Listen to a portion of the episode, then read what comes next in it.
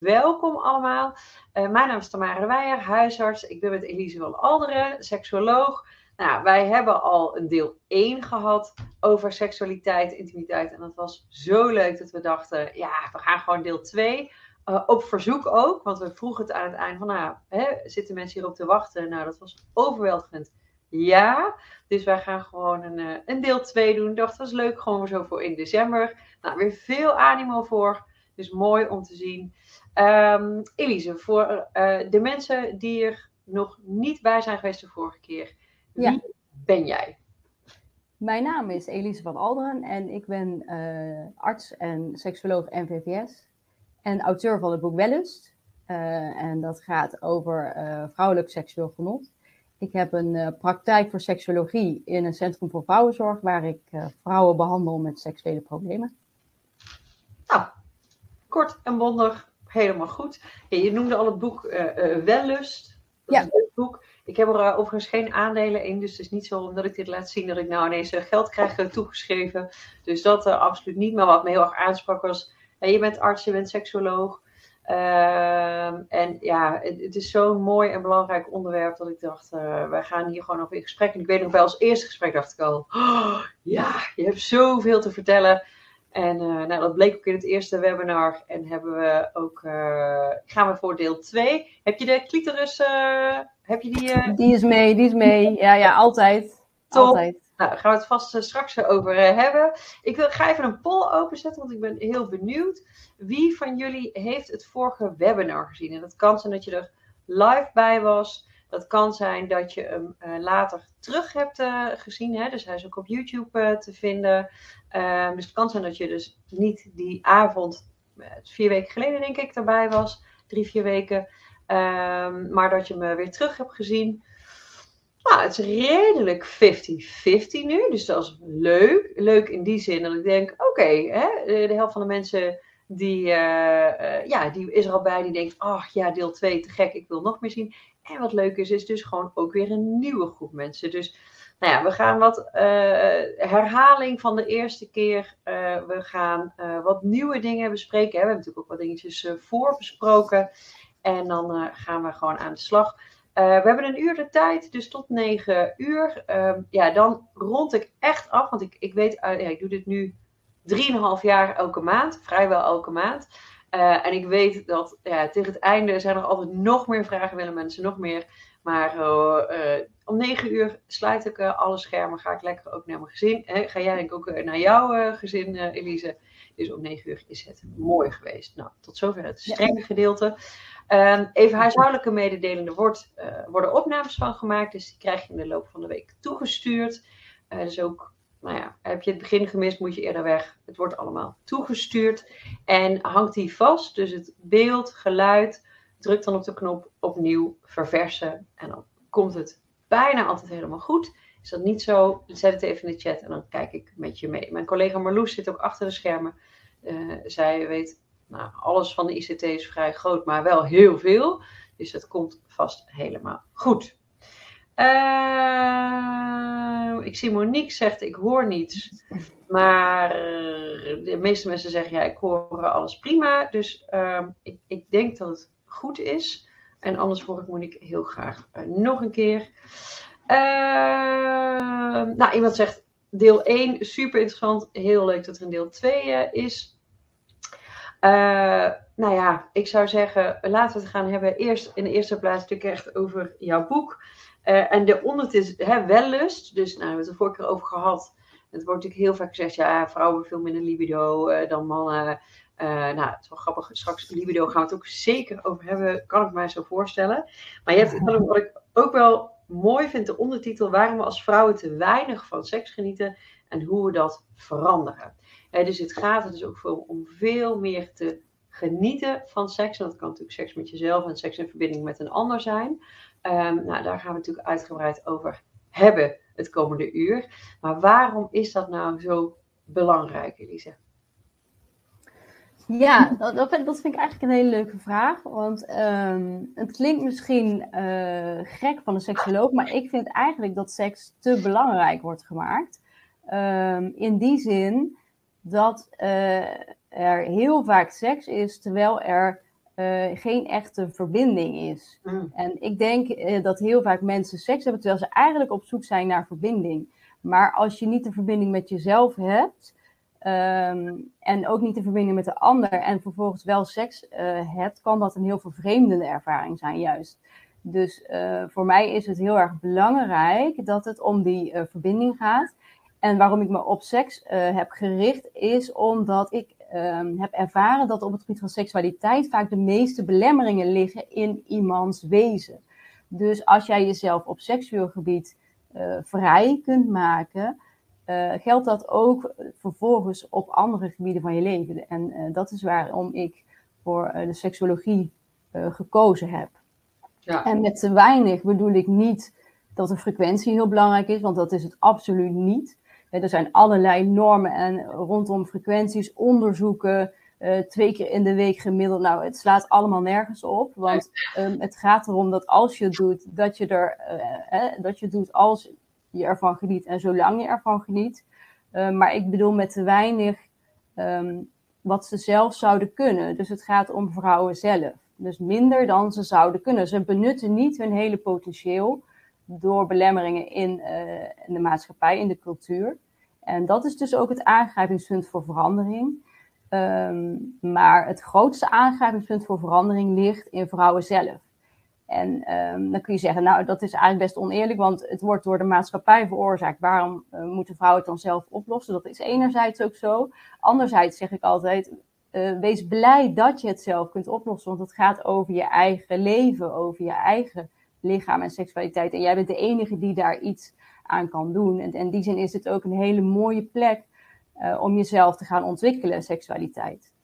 Uh, ja, en ik denk dat dat brengt me meteen op een aantal dingen. Dat ik denk van ja, goh, weet je, het gaat dus ook niet om schuld. Hè? Want het is jouw schuld dat er uh, wat gebeurt of niks gebeurt. Of dat je wel of geen grens hebt aangegeven. Of wel of geen verlangen of behoefte hebt aangegeven. Het ja. gaat veel meer om je eigen verantwoordelijkheid. Hè? Welk stuk kan ik verantwoordelijkheid voor nemen? Wat kan ik doen? Wat wil ik? En wat wil ik ook vooral niet?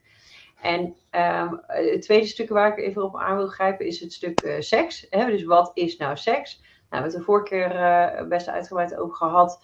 Uh, maar misschien toch even goed ter verduidelijking. Is dat uh, we moeten allebei ook een beetje gniffelen om het woord voor, voorspel. Hè, alsof dat zeg maar de inleidende act is tot het hoofdprogramma. En ja. dat het hoofdprogramma is dan bij heteroseksuele seks, dus de penis in vagina seks.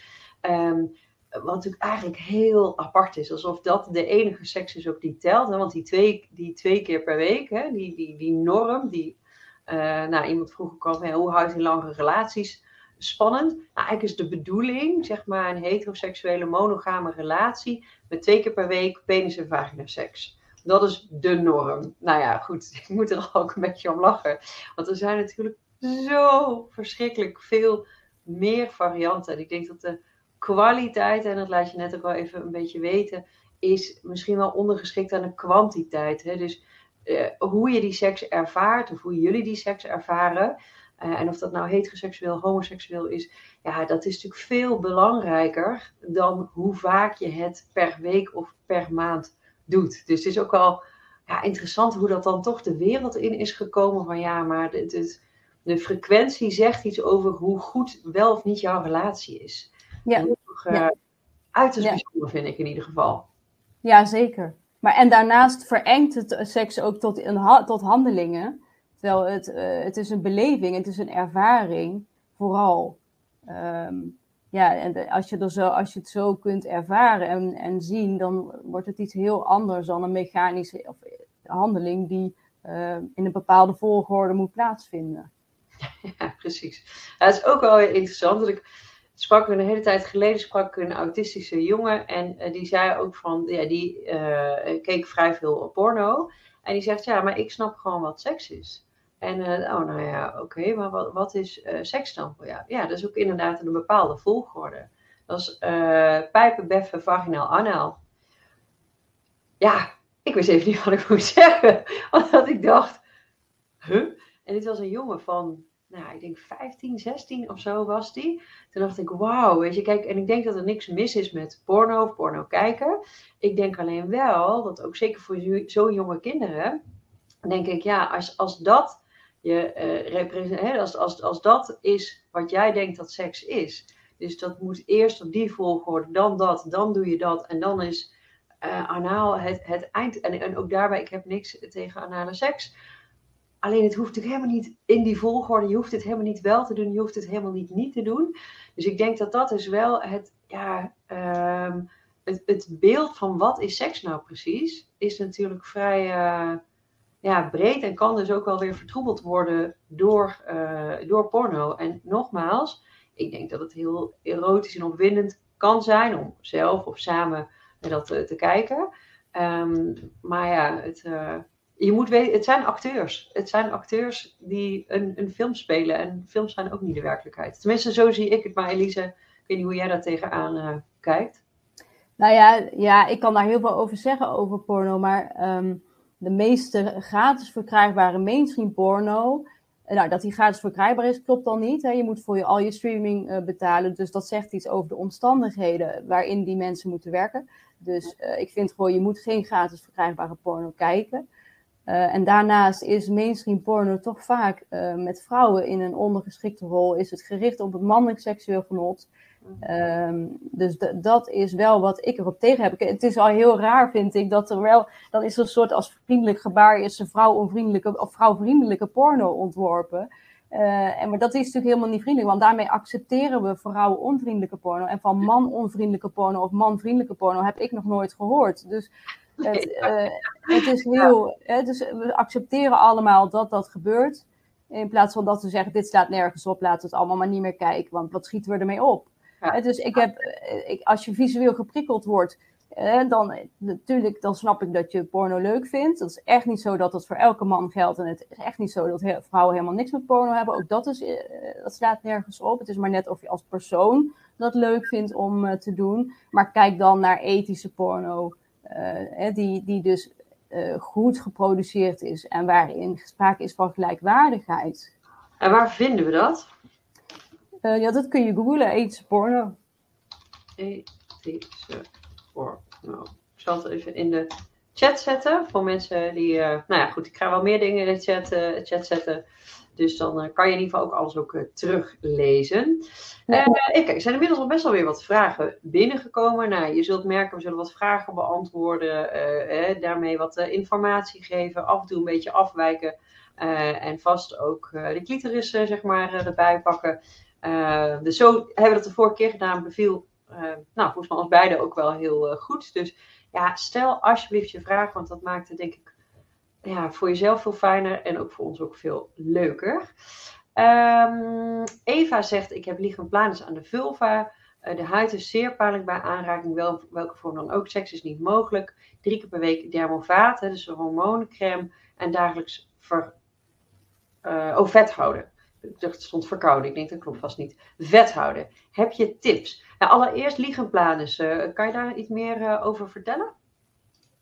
Oeh, daar ben ik eigenlijk. Ik weet dat het een uh, slijmvliesaandoening is, maar ik, uh, ik, doe, ik, ik behandel geen, uh, geen vrouwen. Ik doe geen lichamelijk onderzoek. Dus ik heb ook geen. Uh, ik, ik weet dat het een slijmvliesaandoening is die ook bij op de vulva kan, kan voorkomen, inderdaad. Ja.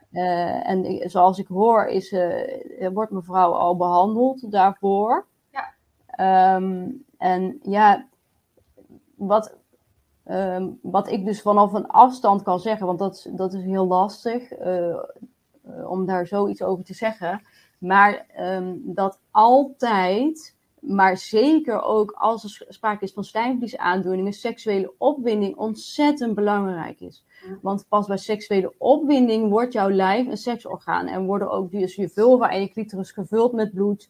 Uh, en worden de sensaties daar anders. Um, en uh, komt er vocht vrij, uh, wat je eigen uh, glijmiddel is. en, en is het, ja, dat is altijd de, de, de allereerste voorwaarde. Dus zorg er zeker voor dat dat er altijd is. En als je niet weet hoe dat bij jezelf voelt, ga daar dan eerst alleen naar op zoek. Hm. om, dat, om daar bekend mee te worden. Ja, dus wat maakt jou opgewonden? Hè? En dat is denk ik ook wel een mooi bruggetje denk ik, naar libido wat we hebben. Hè? Dus de, nou ja, mannen hebben meer libido dan vrouwen. libido, hoe werkt dat? Bestaat dat? En hoe zit dat met man-vrouw verschil? Ja, nou ja, libido is een, is een term van vroeger. Wij gebruiken die als seksuologen niet meer. Er werd mee, mee, bedoeld een vaste hoeveelheid zin in seks die iemand heeft, die bij die persoon past. En inderdaad, die is, zou standaard bij mannen meer zijn dan bij vrouwen. Dat klopt niet. Zin in seks ontstaat niet spontaan. Heb je ook niet. Je kunt niet zeggen van jezelf: ik heb zoveel zo, zo veel zin in seks. Want het is iets dat ontstaat elke keer weer. Uh, als reactie op seksuele opwinding. En seksuele opwinding ontstaat als reactie op een prikkel. Het is ook niet waar dat het verschilt tussen mannen en vrouwen. Seksualiteit werkt hetzelfde bij mannen en vrouwen. Um, het is niet, dus het is niet zo um, dat, uh, dat daar verschillen in zijn. Dus het zit eigenlijk, als ik je goed begrijp, het zit andersom. Dus je ziet iets, ruikt iets, voelt iets, uh, hoort iets. En dat maakt, zeg maar, die prikkeling, die seksuele prikkeling. Daar, word je, daar kun je seksuele opwinding bij voelen. Oh, daar hoef je niks mee te doen. Er is geen reden daar drang bij te voelen. Uh, heel, heel veel mannen hebben dat. er zijn mannen die dat hebben, die voelen daar drang bij, want ik moet daar nu iets mee. Of ook uh, als er uit seksuele opwinding, als er de wens is daar iets mee te doen, dan heb je, krijg je zin in seks. Ook daar hoeft geen drang bij te zitten. Gaat, als je er niks mee doet, verdwijnt het gewoon weer. Dus het zijn niet behoeftes als eten of drinken of slapen. Dat zijn tekorten in het lichaam, die moet je aanvullen. Het zijn nare ervaringen, doe je dat niet, ga je op termijn dood. Uh, van, geen zin, van geen seks hebben is nog, is nog nooit iemand dood gegaan. Hè? En het is, het is ook geen vervelend gevoel, seksuele opwinding of zin in seks. Dus het is iets totaal anders. Het is eigenlijk een emotie. Seks is een, een beleving, ervaring, emotie, waar je vervolgens iets mee uh, kunt gaan doen, maar waar je ook niks, ook niks mee hoeft te doen. Ja, ja precies. Nee, ik vind dat al zo verhelderend, hè, dat het gewoon. Ja, er wordt heel vaak gezegd, ja, je hebt gewoon dus zo vaak zin in seks, maar dat is het dus niet. En ik denk dat dat maakt ons natuurlijk allemaal zo uniek. Want waar jij opgewonden van uh, raakt, heb ik dat misschien helemaal niet. Of mijn buurvrouw of man. Of, nou ja, hè, dus ik denk dat dat natuurlijk ook, het is, het is heel erg persoonlijk. Ja. Uh, en dus ja. gewoon helemaal natuurlijk uh, oké. Okay. Ja, maar dit, dat is wel heel erg belemmerend. Heel veel vrouwen die ik spreek, die hebben onder de oppervlakte hebben ze de overtuigingen. Mannen willen altijd, uh, die, die, die moeten ook altijd. En dat legt al meteen een soort druk in de relatie. Er zijn ook mannen die zich zo daarna gedragen. Dus er zijn gewoon heel veel vrouwen die druk voelen op het gebied van seks. En onder druk uh, dan ben je gericht op de ander. Wat zei je? Ja, daar word je niet opgewonden van. Nee, nee, nee, dan heb je geen ontspanning en dan ben je gericht op de ander. En om, om toegang te krijgen tot je eigen seksualiteit, moet je ontspannen en gericht op jezelf kunnen zijn. Dus dat is een heel groot probleem in heel veel uh, partnerrelaties, zoals ik het in mijn spreekkamer hoor. Ja, dat is misschien ook alweer even een klein bruggetje met uh, straks iemand die zei: hoe houd je het nou leuk in een langdurige relatie? Wat, je, wat ik heel vaak tegenkom is dat nou, er een bepaald vast patroon is. En dat kan zelfs een, vaste dag zijn, maar dat kan ook een. Nou, je ligt naast elkaar, de een ligt tegen de ander, de een begint over de rug te kriebelen. En dan weet de ander, aha, hij of zij, maar meestal hij heeft zin in seks. Ja, dan is het zo'n soort eh, twee, eh, hè, kan het een T-splitsing. Dus ofwel, ja. ja, ik ga er dan maar uh, in ja. mee, hè, want dat, dat, is ook zo'n mythe van, ja, zin moet je maken. Ja. Uh, ja, of ik zeg nu nee, maar ja, dan ben ik weer de vervelende. Dus ik denk dat ook het, het een moet per definitie leiden tot het ander. Dat hoeft natuurlijk ook helemaal niet. Hè? Dus als je gewoon aangeeft van, nou, goh, ik zou eigenlijk gewoon vanavond even lekker, uh, of nu gewoon even lekker met jou gewoon knuffelen en aanraken. En daar hoeft niet vanzelfsprekend seks uit voor. Of hè, seks als in penis in vagina seks. Als we toch even weer kijken naar de heteroseksuele relatie. Dat hoeft helemaal niet. Ja, maar, ja, maar die andere vormen van seks ook niet. Nee, precies. Nee, nee. Ik, ik stel ook altijd, of ik, stel, ik, adviseer altijd een seksverbod. En uh, dat is omdat er een patroon is ontstaan wat niet, uh, wat niet fijn is, sowieso voor de vrouw die bij mij zit, maar die man wil het ook anders. Um, ik nodig haar uit om af te dalen naar haar eigen seksuele basis, die te gaan ontwikkelen en van daaruit een nieuwe vorm van partnerseks op te bouwen. Blijft zij uh, partnerseks hebben, blijft zij in dat patroon zitten waarbij seks geen positieve ervaringen heeft, en dan lukt dat niet Dan kan zij niet naar zichzelf afdalen en een nieuwe vorm opbouwen. Dat lukt al helemaal niet. Ehm, dus het is geen seks, maar juist wel een uitnodiging om heel erg die lichamelijke intimiteit weer te gaan voelen en voeden. Want die is heel vaak inderdaad, die wordt vaak vermeden. Ehm, om, door heel veel vrouwen, omdat ze denken, ja, als ik nu ga knuffelen, dan moet er weer seks volgen. Dus dan doe ik, doe ik dat maar niet. En dat is hartstikke jammer, want lichamelijke verbinding is ook een essentieel onderdeel van een uh, liefdesrelatie. Aanraking, hè? Dat is natuurlijk gewoon zo. Uh, ik, ja. dat zagen we natuurlijk in het begin van corona. Hè? Ja. Huidhonger werd dat ook wel zo mooi genoemd. Is gewoon uh, hè, bij elkaar zijn, gewoon elkaar vasthouden, strelen, wat dan ook. Is natuurlijk echt wel prachtig, of kan heel prachtig zijn en heel verbindend. Ja. ja. Uh, even spieken. Nou ja, goed. Dus eventjes de. Ik ben hem heel even kwijt. Ja, dus die langere relatie. Uh, nou ja, ik, even als ik voor mezelf spreek, hè, 15 jaar een uh, hele fijne relatie. Super blij met een ontzettend fijne man. En het is soms ook, kijk, onze kinderen worden nu iets groter, maar soms best wel uitdagend. Van ja, hoe hou je het ook allemaal spannend? En hoe hou je het fijn? En hoe, ja, wat, wat zijn jouw tips daarin, dus met name voor een langere relatie? Om, om de. Ja, nou, met name dus om die seksualiteit en intimiteit uh, goed te houden, fijn te houden. Maar misschien ook wel, uh, nou ja, wat ik straks zei, het een leidt tot het ander. En dat kan heel goed zijn, dat kan heel fijn zijn. Maar ja, ik hoor dan vaak ook bijvoorbeeld, nou ja, elke dag uh, spruitjes stampot. Ja, op een gegeven moment gaat dat natuurlijk ook een beetje vervelen. Dus zou je dan ja, dingen anders moeten doen, of juist niet, of hoe? Ja, hoe ja. Met elkaar leuk? Nou, er, kan, er kunnen natuurlijk meerdere redenen zijn waarom, uh, waarom er geen seks is in een partnerrelatie. Op zich hoeft dat niet eens een probleem te zijn. Hè? Seks is niet iets wat moet om, te, om een goede, fijne relatie te hebben of een volwaardig mens te zijn.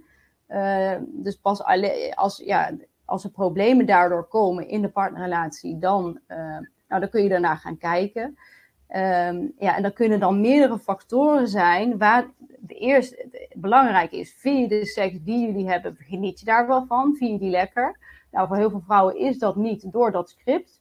Hè, het script waar we van jongs af aan mee worden opgevoed, hoor we denken dat seks hoort tussen uh, een, vrouw en een man. En uh, die draait om inderdaad die uh, penis- en vagina-seks. Um, maar vaak speelt ook wel heel erg mee dat vrouwen zich onder druk gezet voelen om, uh, om seks te hebben, het als moedje zien. Uh, of dat, uh, dat hij het initiatief neemt. Dat ze zelf moeite hebben om initiatief te nemen, omdat ze de zin niet voelen. Maar ook als ze die wel voelen, uh, zitten, kunnen daar belemmeringen op zitten voor vrouwen. Omdat ze van jongs af aan hebben meegekregen. Nou, dat hoort niet. Als vrouw hoor je, hoor je niet ervoor uit te komen dat je seks wilt. Of dat je. De, dat is toch, wordt als sletterig neergezet. Uh, dus er kunnen allerlei um, belemmeringen zijn, uh, of ook praktische belemmeringen. Hè, van nou ja, dan de kinderen die zijn nog wakker, of uh, ik moet morgen weer vroeg op. Um, ja, dus er kunnen heel veel factoren zijn die aangrijpingspunten kunnen zijn om te kijken van nou, wat, wat kunnen we nou anders gaan doen. Um, en vaak zit het hem ook wel inderdaad in het, in het veranderen van de manier waarop je seks hebt. Dus ik stel heel vaak eerst dan een seksverbod uh, in en dan um, met de uitnodiging aan de vrouw om, uh, om zichzelf uh, seksueel te gaan ontdekken en ontwikkelen. op een gegeven moment komt die partnerseks dan weer terug. En dan is het, nou ja, alleen op jouw initiatief, hè, dus van de vrouw, want dan weet je zeker dat er geen druk is. geen penis- en vagina-seks, maar wel allerlei andere dingen. Ga maar uitproberen. Dan hebben ze ook, er zijn ook hele mooie boeken met erotische massages die je kunt uh, proberen. Um, dus ga maar, uh, ga maar ontdekken op die manier wat er nog meer mogelijk is. Want heel vaak, dat beeld krijgen we niet. Hè? We worden helemaal niet opgevoed. Het enige, als je denkt, als, als je het woord seks zegt, denken mensen aan penis- en vagina seks. Dus we, worden niet opgevoed met wat er mogelijk is.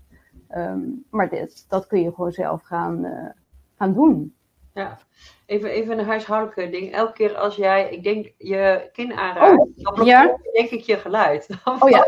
ja. word je wat, wat doffer. Dus Oké. Okay. helemaal in, in handbeweging. Ja.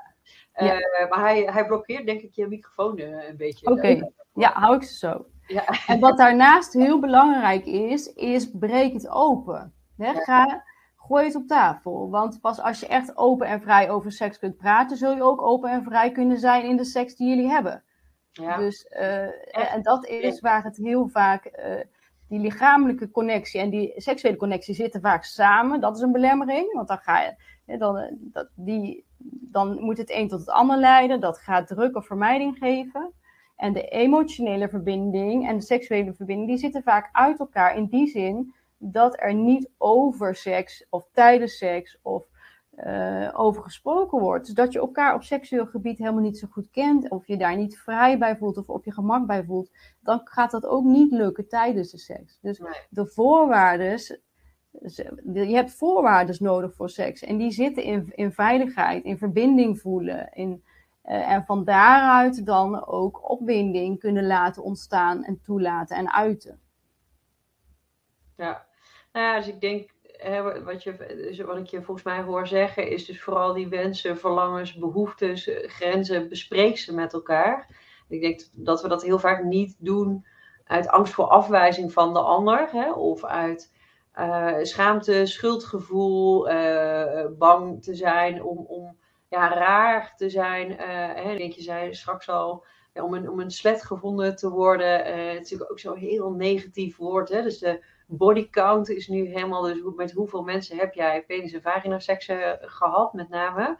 Ja, en dat is dus toch ook wel heel interessant dat als uh, mannen heel veel uh, seks hebben gehad met vrouwen, dan is dat heel stoer. En dan zijn ze, wauw, weet je wel, wat een heimsten.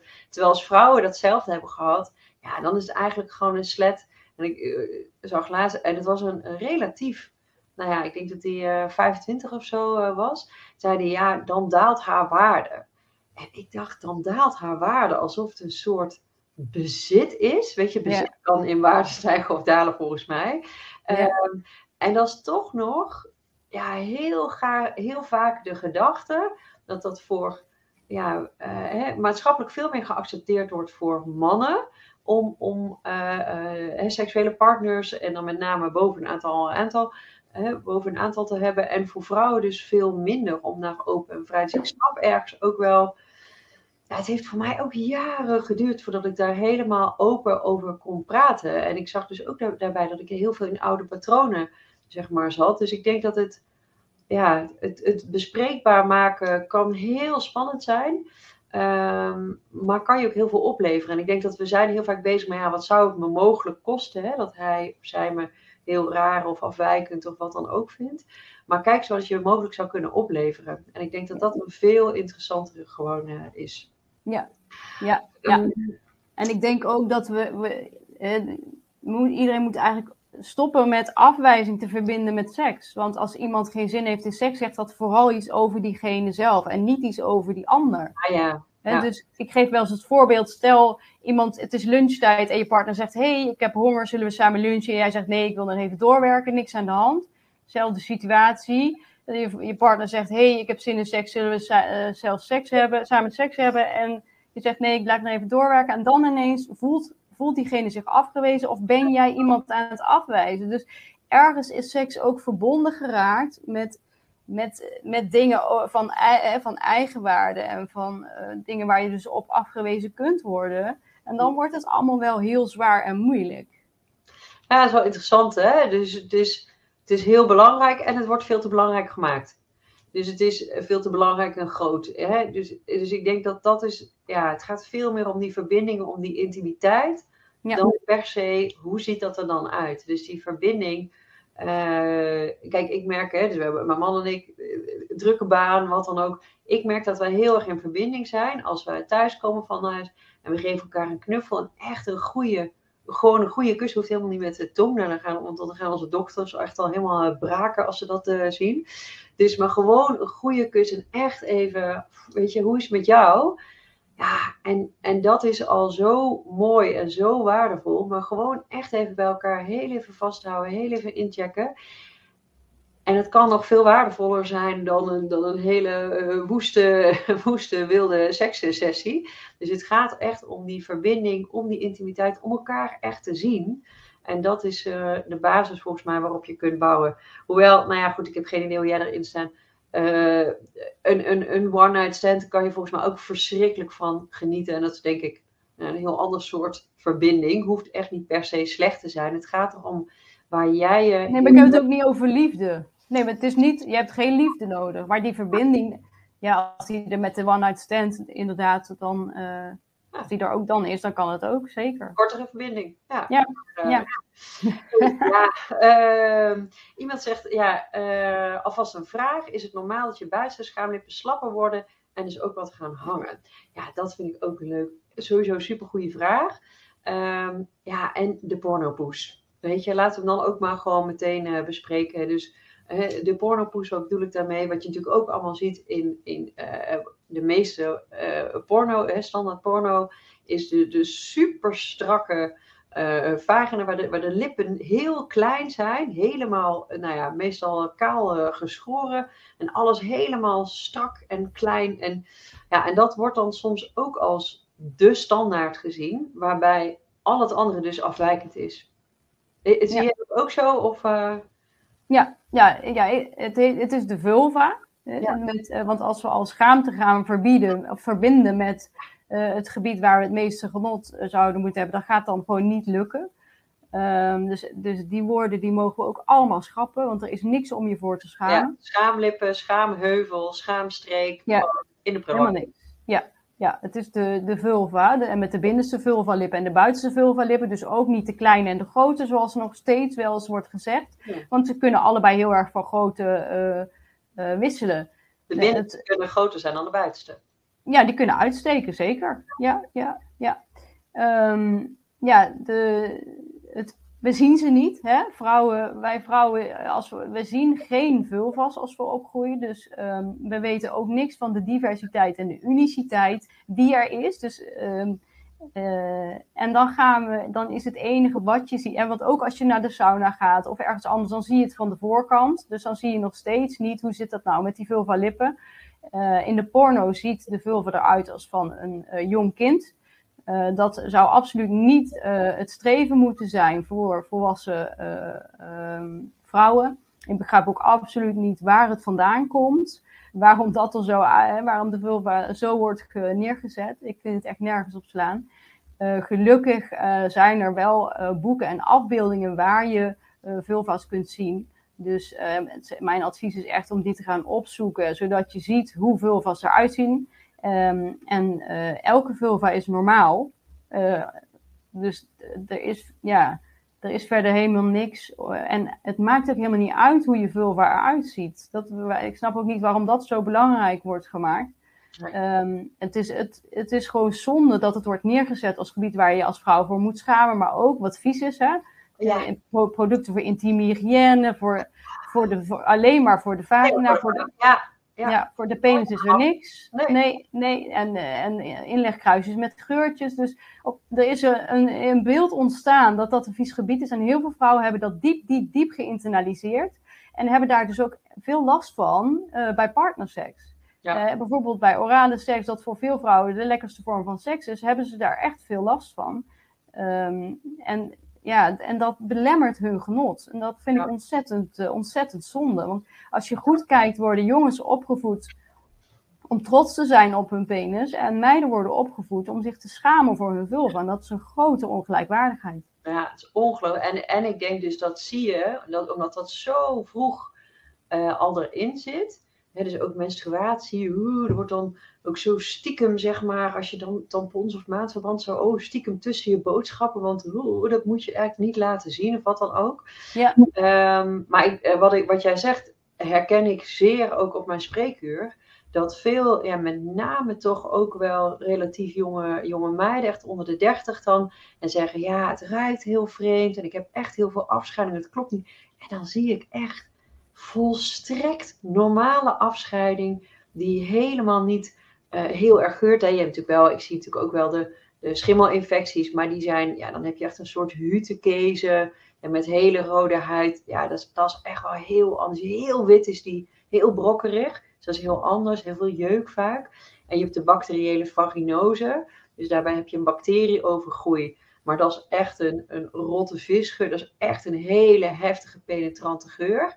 Ehm, en ik moet even een beetje denken. Een paar dagen geleden had ik uh, vis uh, gemaakt. En ik had die, die, die verpakking had ik per ongeluk bij het plastic gedaan. En een paar dagen later dachten we, wat komt er toch voor lucht uit die vuilnisbak? Ja, dat is echt, dat is wel echt een beetje die geur. Dat je echt ja, dit is, niet, dit is echt niet goed hoor.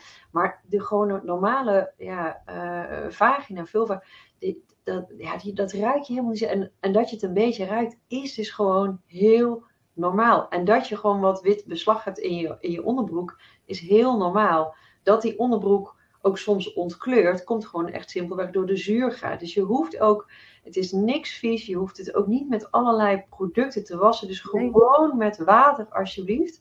Um, want wat ik dus juist vaak zie, is dus schimmelinfecties door uh, al die producten, door uh, de inlegkruisjes. Dus ja, het, het is iets volstrekt normaals. Maar het is wel grappig, ik heb me dat nooit zo gerealiseerd dat inderdaad hè, de penis is iets om heel trots op uh, te zijn. En moet, maar moet vooral ook wel groot zijn. Hè? Dus er zit ook wel een soort geldingsdrang zit daar uh, dan wel in.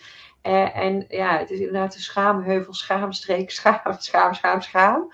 Ja, dat moet vooral maar gewoon onder, onder de radar zijn. Ja. ja. Nou, en het gevolg is dus dat vrouwen ook zelf helemaal niet vertrouwd zijn met hun eigen vulva. Ja. Als, als, ik vraag vaak, hè, van, stel je legt je hand op je vulva op, op je wang. In principe zou daar geen verschil tussen moeten zijn. Maar dat is er voor heel veel vrouwen wel. Uh, iets van gêne of schaamte of meteen een seksuele uh, gebeuren. Terwijl in principe, in beginsel, is het gewoon je vulva. Uh, hoort het bij je lijf, net als de rest van je lijf ja. dat hoort. En, en, ehm, ja, en als je dat zelf al niet zo ervaart, dan wordt er mee en van genieten heel lastig. Ja, en dat begint al heel snel. Hè? Want iemand zegt hier van nou, aanraken, knuffelen, daarbij grenzen aangeven vind ik lastig. Heeft de oorsprong uit een onveilige jeugd. Hoe ga je daarmee om?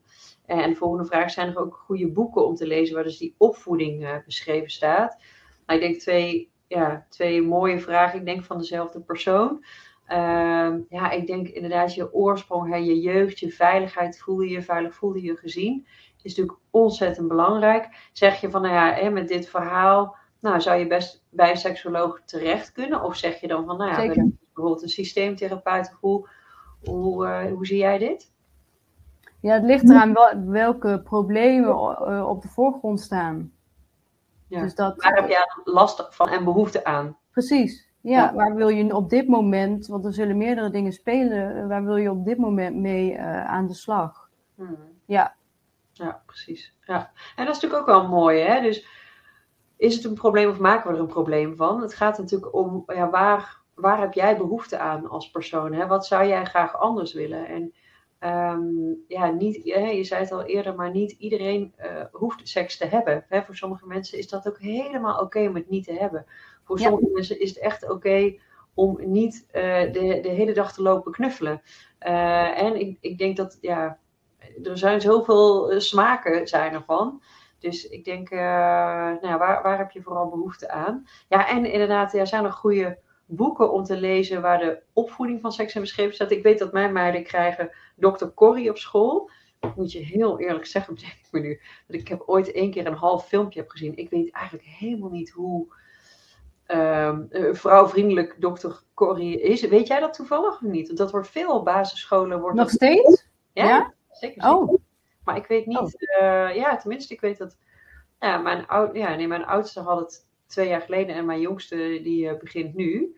Uh, dus die krijgt nog gewoon Dr. Corrie. Maar ik zou eigenlijk haar filmpjes moeten kijken van, nou, in dit licht is dit, heeft ze het nog over geschaamslippen, lippen en voorspel?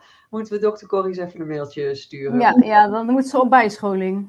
Ook zo op bijscholing. Sturen we er wel wat webinars toe. En dat is natuurlijk mijn boek. Ja. ja, precies. Hey, en zijn er goede boeken qua, qua opvoeding in... in um, nou, ik, uh, voor, voor meiden weet ik ze wel. Um, dan vind ik uh, Lijfboek voor Power Girls vind ik een hele... Sorry, sorry. Hey, je gaat heel snel.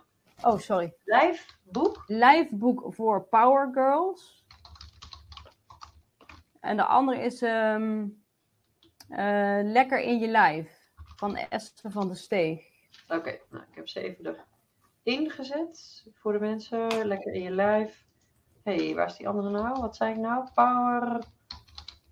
Powerboek? Nee, nee, Lijfboek voor Power Girls, volgens mij. Power Girls. Ja. Ja. Ja, en van, ik, nou, ik vind eigenlijk, uh, mijn boek is, is eigenlijk ook voor mij de, van, voor hun eerste seksuele ervaring met een ander. Je, je wil echt dat ze die seksuele autonomie hebben, Ja. voordat ze in partnerseks gaan, eh, zich gaan bewegen. Ja, precies. precies. Dus dat, eh, dat kan best vanuit, vanaf wat oudere leeftijd.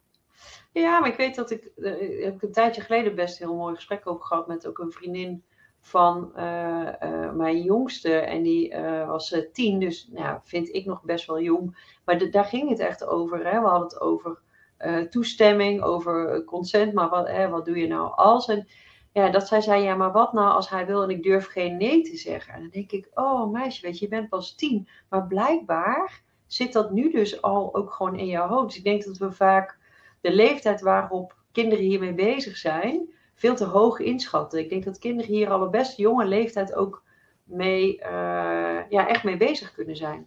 Ja, maar het is dan zo zonde dat het altijd gaat over, niet altijd, maar wat je hoort zijn de risico's, hè?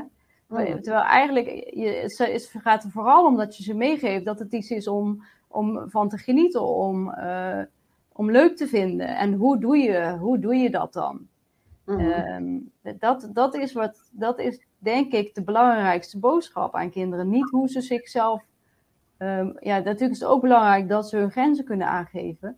Maar dan maak je meteen weer iets, want dan is het weer vaak de, de, de, het meisje dat dan weer de grens moet aangeven. Dus dan maak je van haar weer de, de, degene in de, in de bewakersrol Ja. of in de, um, in de passieve rol. Dus dan, um, ja, dan wordt consent een één, één wegstraat, zeg Ja. maar. Terwijl het gaat, het gaat om afstemmen, om inleven, om samen een, iets, iets ervaren, er een, een gedeelde fijne ervaring van maken. Maar dus, dat vergt dus ook iets, hè, want iemand zegt, hebben jullie ook een boekentip voor jongens? Maar dat vergt dus ook voor ouders om met hun jongens hierover in gesprek te gaan. Hè? En dan kom je toch weer bij die communicatie. En dat hoeft niet eens zozeer dus de grenzen te zijn. Maar hoe benader je elkaar en hoe praat je hierover? En hoe normaliseer je dus dat je hierover praat?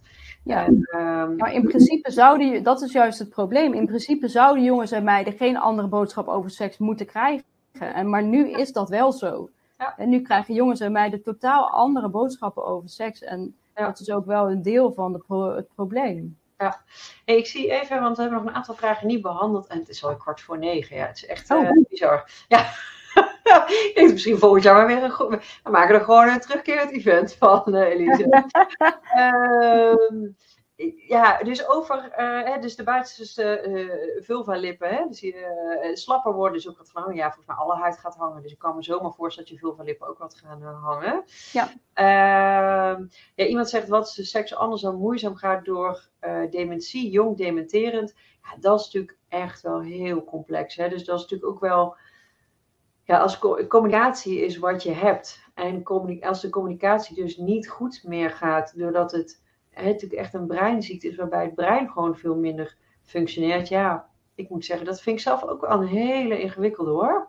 Heb jij daar nog eh, verlichtende woorden over? Nee, dat is voor mij nu ingewikkeld. Maar ik zou zeker aanraden om bij een eh, seksuoloog en VVS dit eh, te bespreken. Want die kunnen daar zeker, als ze het hele verhaal hebben, daar heel goed eh, in adviseren. En je Ja. zegt seksuoloog en VVS. Wat betekent Ja, dat? ja, want seksuoloog is geen beschermde titel helaas in Nederland. Iedereen mag zich seksuoloog noemen.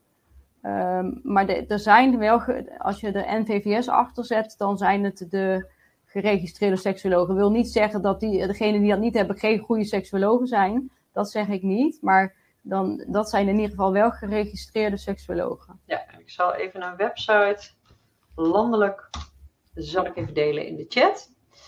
Ehm, ja, iemand hier heeft een mooie vraag. Zeggen na de overgang bij opwinding heb ik nog steeds voldoende eh, vocht. Eh, maar ik ben al zo nat in bepaalde standjes dat ik een vaginaal scheetgeluid ontstaat. Wat kan ik daar tegen doen? Ik vind dat niet erg prettig.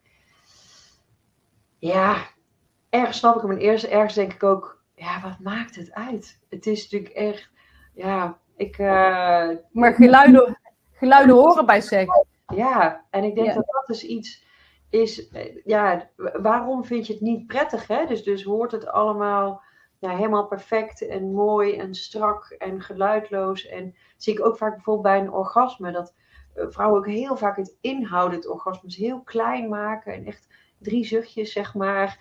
Terwijl ik denk, ja, het is juist ja, laat het gaan. Het is een moment ook van ontspanning, van loslaten. Van, en dan mag daar ook gewoon echt eh, ja, geluid bij ja. Dus... ja, maar wat ik heel vaak hoor in mijn spreekkamer is dat vrouwen het orgasme aanvliegen door spanning op te zetten. Dus echt spierspanning op te bouwen en dan steeds meer naar het orgasme toe, steeds meer uh, spanning daarop te zetten. En dan heb je inderdaad ook maar een, een klein orgasme, want, je, want dan kan die bekkenbodem niet nog meer samentrekken, want die veroorzaakt het gevoel van orgasme, grote bekkenbodemspiersamentrekkingen. Uh, dat, dat kan dan niet. Als je al en, en je clitoris kan niet helemaal vollopen met bloed als je je bekkenbodem aanspant. Dus, dus het is. Pak hem erbij. Oh ja, de clitoris. Ja, want we zijn bijna klaar. We hebben nog niet eens gehad. Ja, ja hier is hij weer. Daar is hij. Maar wat, uh, nou, de, de helft van de mensen, want ongeveer de helft van de mensen is er niet bij geweest de eerste keer. Ja. ik ben dus heel benieuwd of zij direct hadden kunnen zeggen, eigenlijk hadden we los, wat is dit?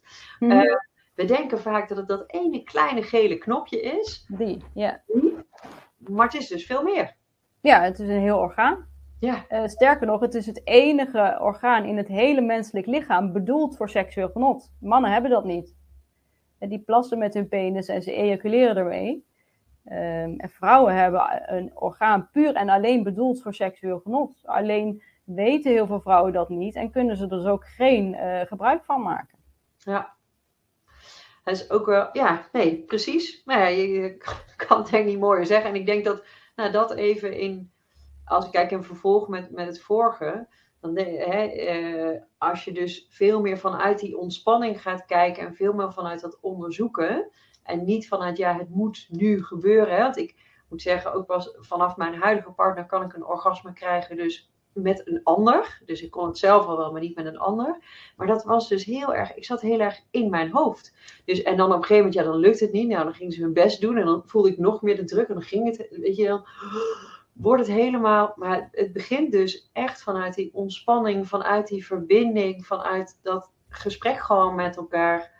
Uh, en ik denk dat daaruit gewoon heel veel uh, moois kan uh, ontstaan. Ja, dat wel. Maar de allereerste voorwaarde is je ontspannen voelen bij je eigen seksualiteit, bij je eigen lichaam. Want als je dat niet alleen hebt, heb je dat bij een partner ook niet. Komt dat ook niet samen. Nee. Iemand zegt heel mooi, we leren nog steeds van elkaar al 45 jaar getrouwd. Ja, dat is natuurlijk echt, echt te gek. Leuk, leuk, leuk. En iemand zegt uh, na EMDR-therapie, uh, na bijna 40 jaar, verteld dat ik verkracht ben op 18-jarige leeftijd, waardoor seksleven niet al te best was met vaste partner. Kan ik mij alles bij voorstellen. De angst voor pijn, maar nu helemaal geen opwinding meer, pijnlijke uh, penis- en vagina seks helaas. Hoe zou ik weer een beetje opwinding en plezier terug kunnen krijgen? Ja, ik zou zeggen, lieve dame, ik zal je naam niet noemen. Maar ja, kijk eens op die website dus van de seksuoloog en ga echt in gesprek. Want ik denk, je hebt zoiets intens traumatisch meegemaakt op jonge leeftijd. Dat dat lichaam slaat dat trauma op. En alles, hè, uh, ja, ik vind het heel mooi. Het, uh, Bessel van de Kolk uh, zegt er altijd heel mooi: the body keeps the score. Dus dat lichaam slaat dat trauma op. En als je dat, dat is zo moeilijk om naar in je eentje ja, om, dus hè, je kan het natuurlijk alleen maar zelf doen, maar je hoeft het niet alleen te doen.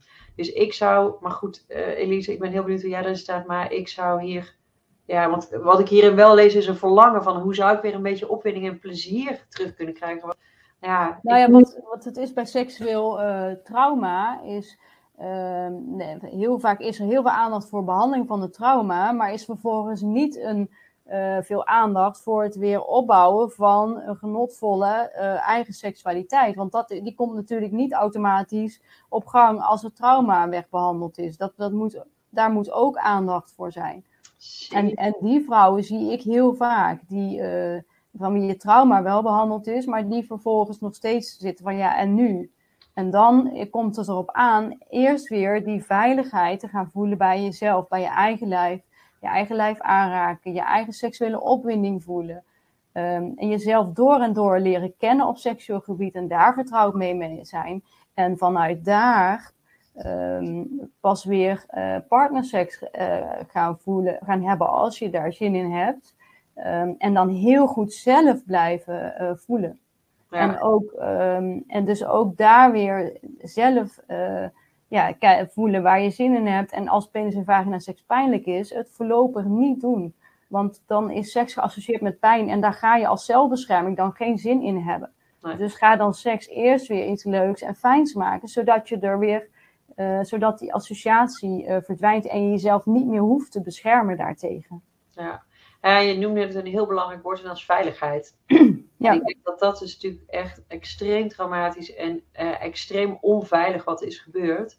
En je zal eerst weer die veiligheid moeten voelen om vanuit daaruit, hè, dat is echt het, het fundament, hè, de verbinding met jezelf, de veiligheid. Ja. Uh, want anders wordt alles natuurlijk gewoon in je getriggerd. En wat je zegt, je, je, je brein heeft zo'n negatieve koppeling gemaakt. Dat, uh, nou ja, zoek daar alsjeblieft uh, hulp voor. Dus dat gun ik je heel erg.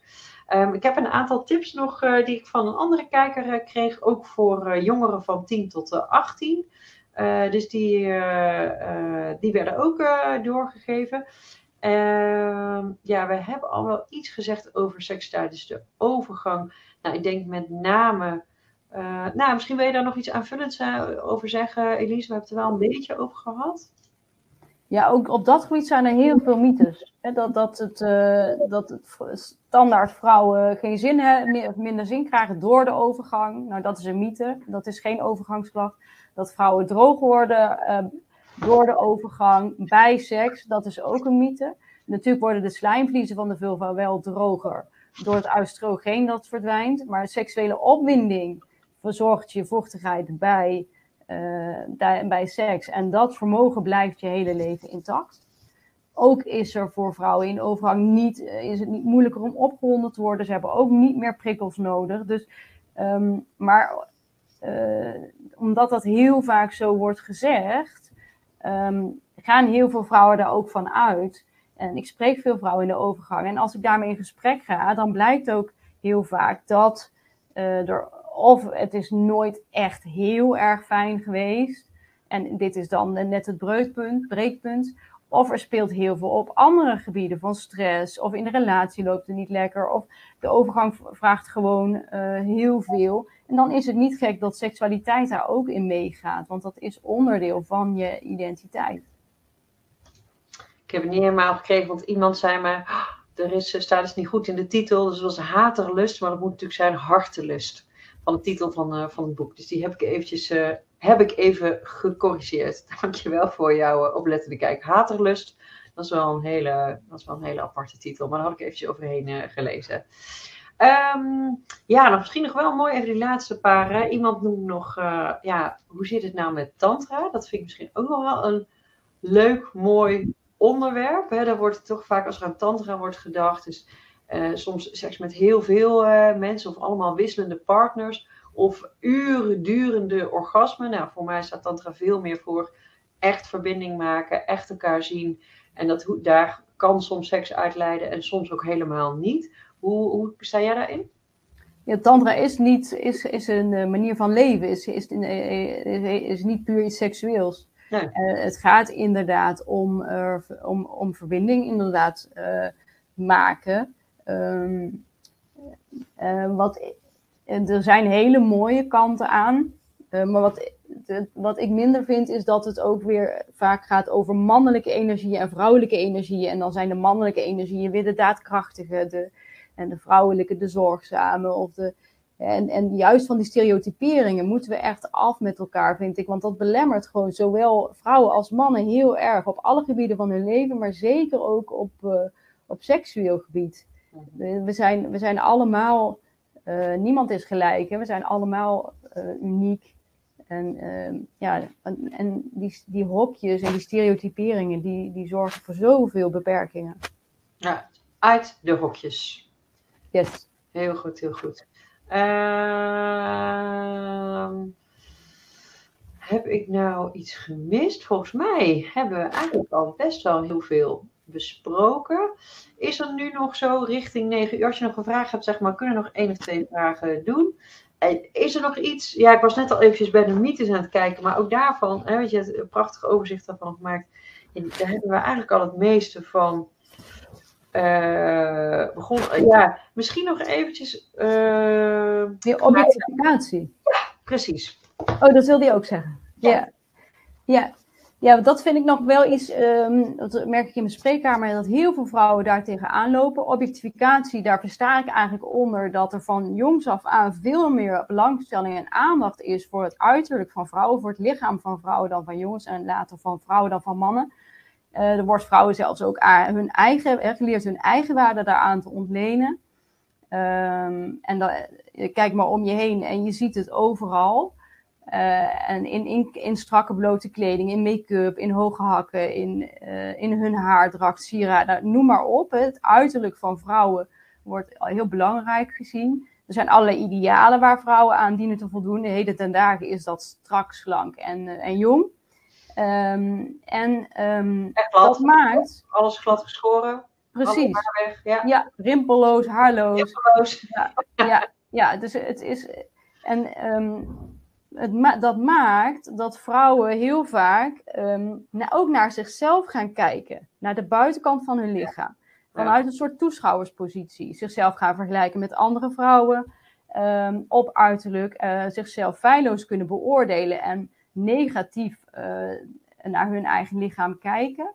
En wat daar het nadeel van is, is je kunt niet tegelijkertijd naar je eigen lichaam kijken en voelen. En voelen, je verlangen, je, je seksueel genot, maar ook het genot in je hele leven zit in je voelen.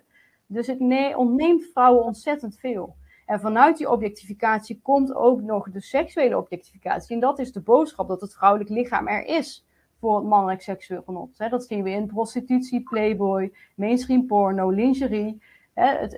En vrouwen denken dus ook, of heel veel vrouwen hebben denkbeelden als als ik maar sexy ben of als ik maar begeerlijk ben, dan geniet ik wel van seks. Maar daar zit het hem niet in. Het zit niet in sexy zijn, het zit hem in je seksueel voelen. En ook dat, dat juist dat je seksueel voelen wordt door die nadruk op het uiterlijk en door nadruk op die sexiness heel erg beperkt. Ja. Ja, dat is wel mooi. Weet je, we worden allemaal ouder en het wordt toch allemaal een beetje slapper. Je wordt misschien wat zwaarder, je hebt misschien een put, een grimpel en uh, wat dan ook. Um, maar je bent nog steeds gewoon heel mooi. En ik denk dat dat is, eh, weet je, dat gaat dus niet inderdaad om dat hele jonge, strakke, uh, rimpelloze ideaal.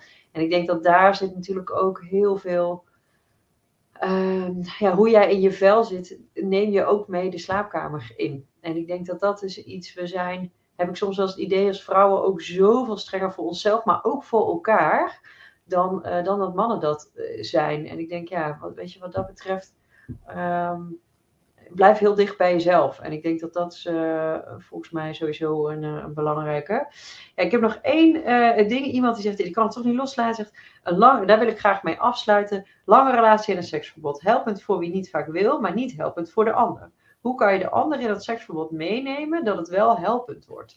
En dat is ook wel een interessante. Hè? Dus voor niet, die niet vaak wil. En dan voelt het bijna als in, oh, dan gelukkig, we hebben een verbod, we hoeven het dus ook niet te doen. Maar dat is volgens mij niet het doel van het seksverbod. Nou, dat is wel vaak de reactie van de vrouw tegenover mij. Ja. Er, zijn, er zijn dan ook veel vrouwen die vijf seconden later zeggen: Oh shit, hoe ga ik dit thuis vertellen? En dan zeg ik: Ja, hier heb je dus een groot deel van je probleem. Want het zou absoluut geen probleem moeten zijn om een tijd geen seks te hebben. Dan gebeurt er niks. Ook niet bij mannen. Blauwe ballen bestaan niet. Er hoeft niet regelmatig iets uit bij een man. Uh, er hoeft geen drang te zitten bij seksuele opwinding. Juist die drang, die lekt druk en dat verpest het. Dus dat is juist ook een mooie gelegenheid voor mannen om, om die drang die zij heel vaak toch bij seks hebben, uh, eraf te gaan halen. En zich heel erg ook te gaan richten op op een andere manier verbinding te kunnen gaan maken met hun partner. Ja, precies. Dus ook daar weer communicatie, bespreek het. Uh, en dan.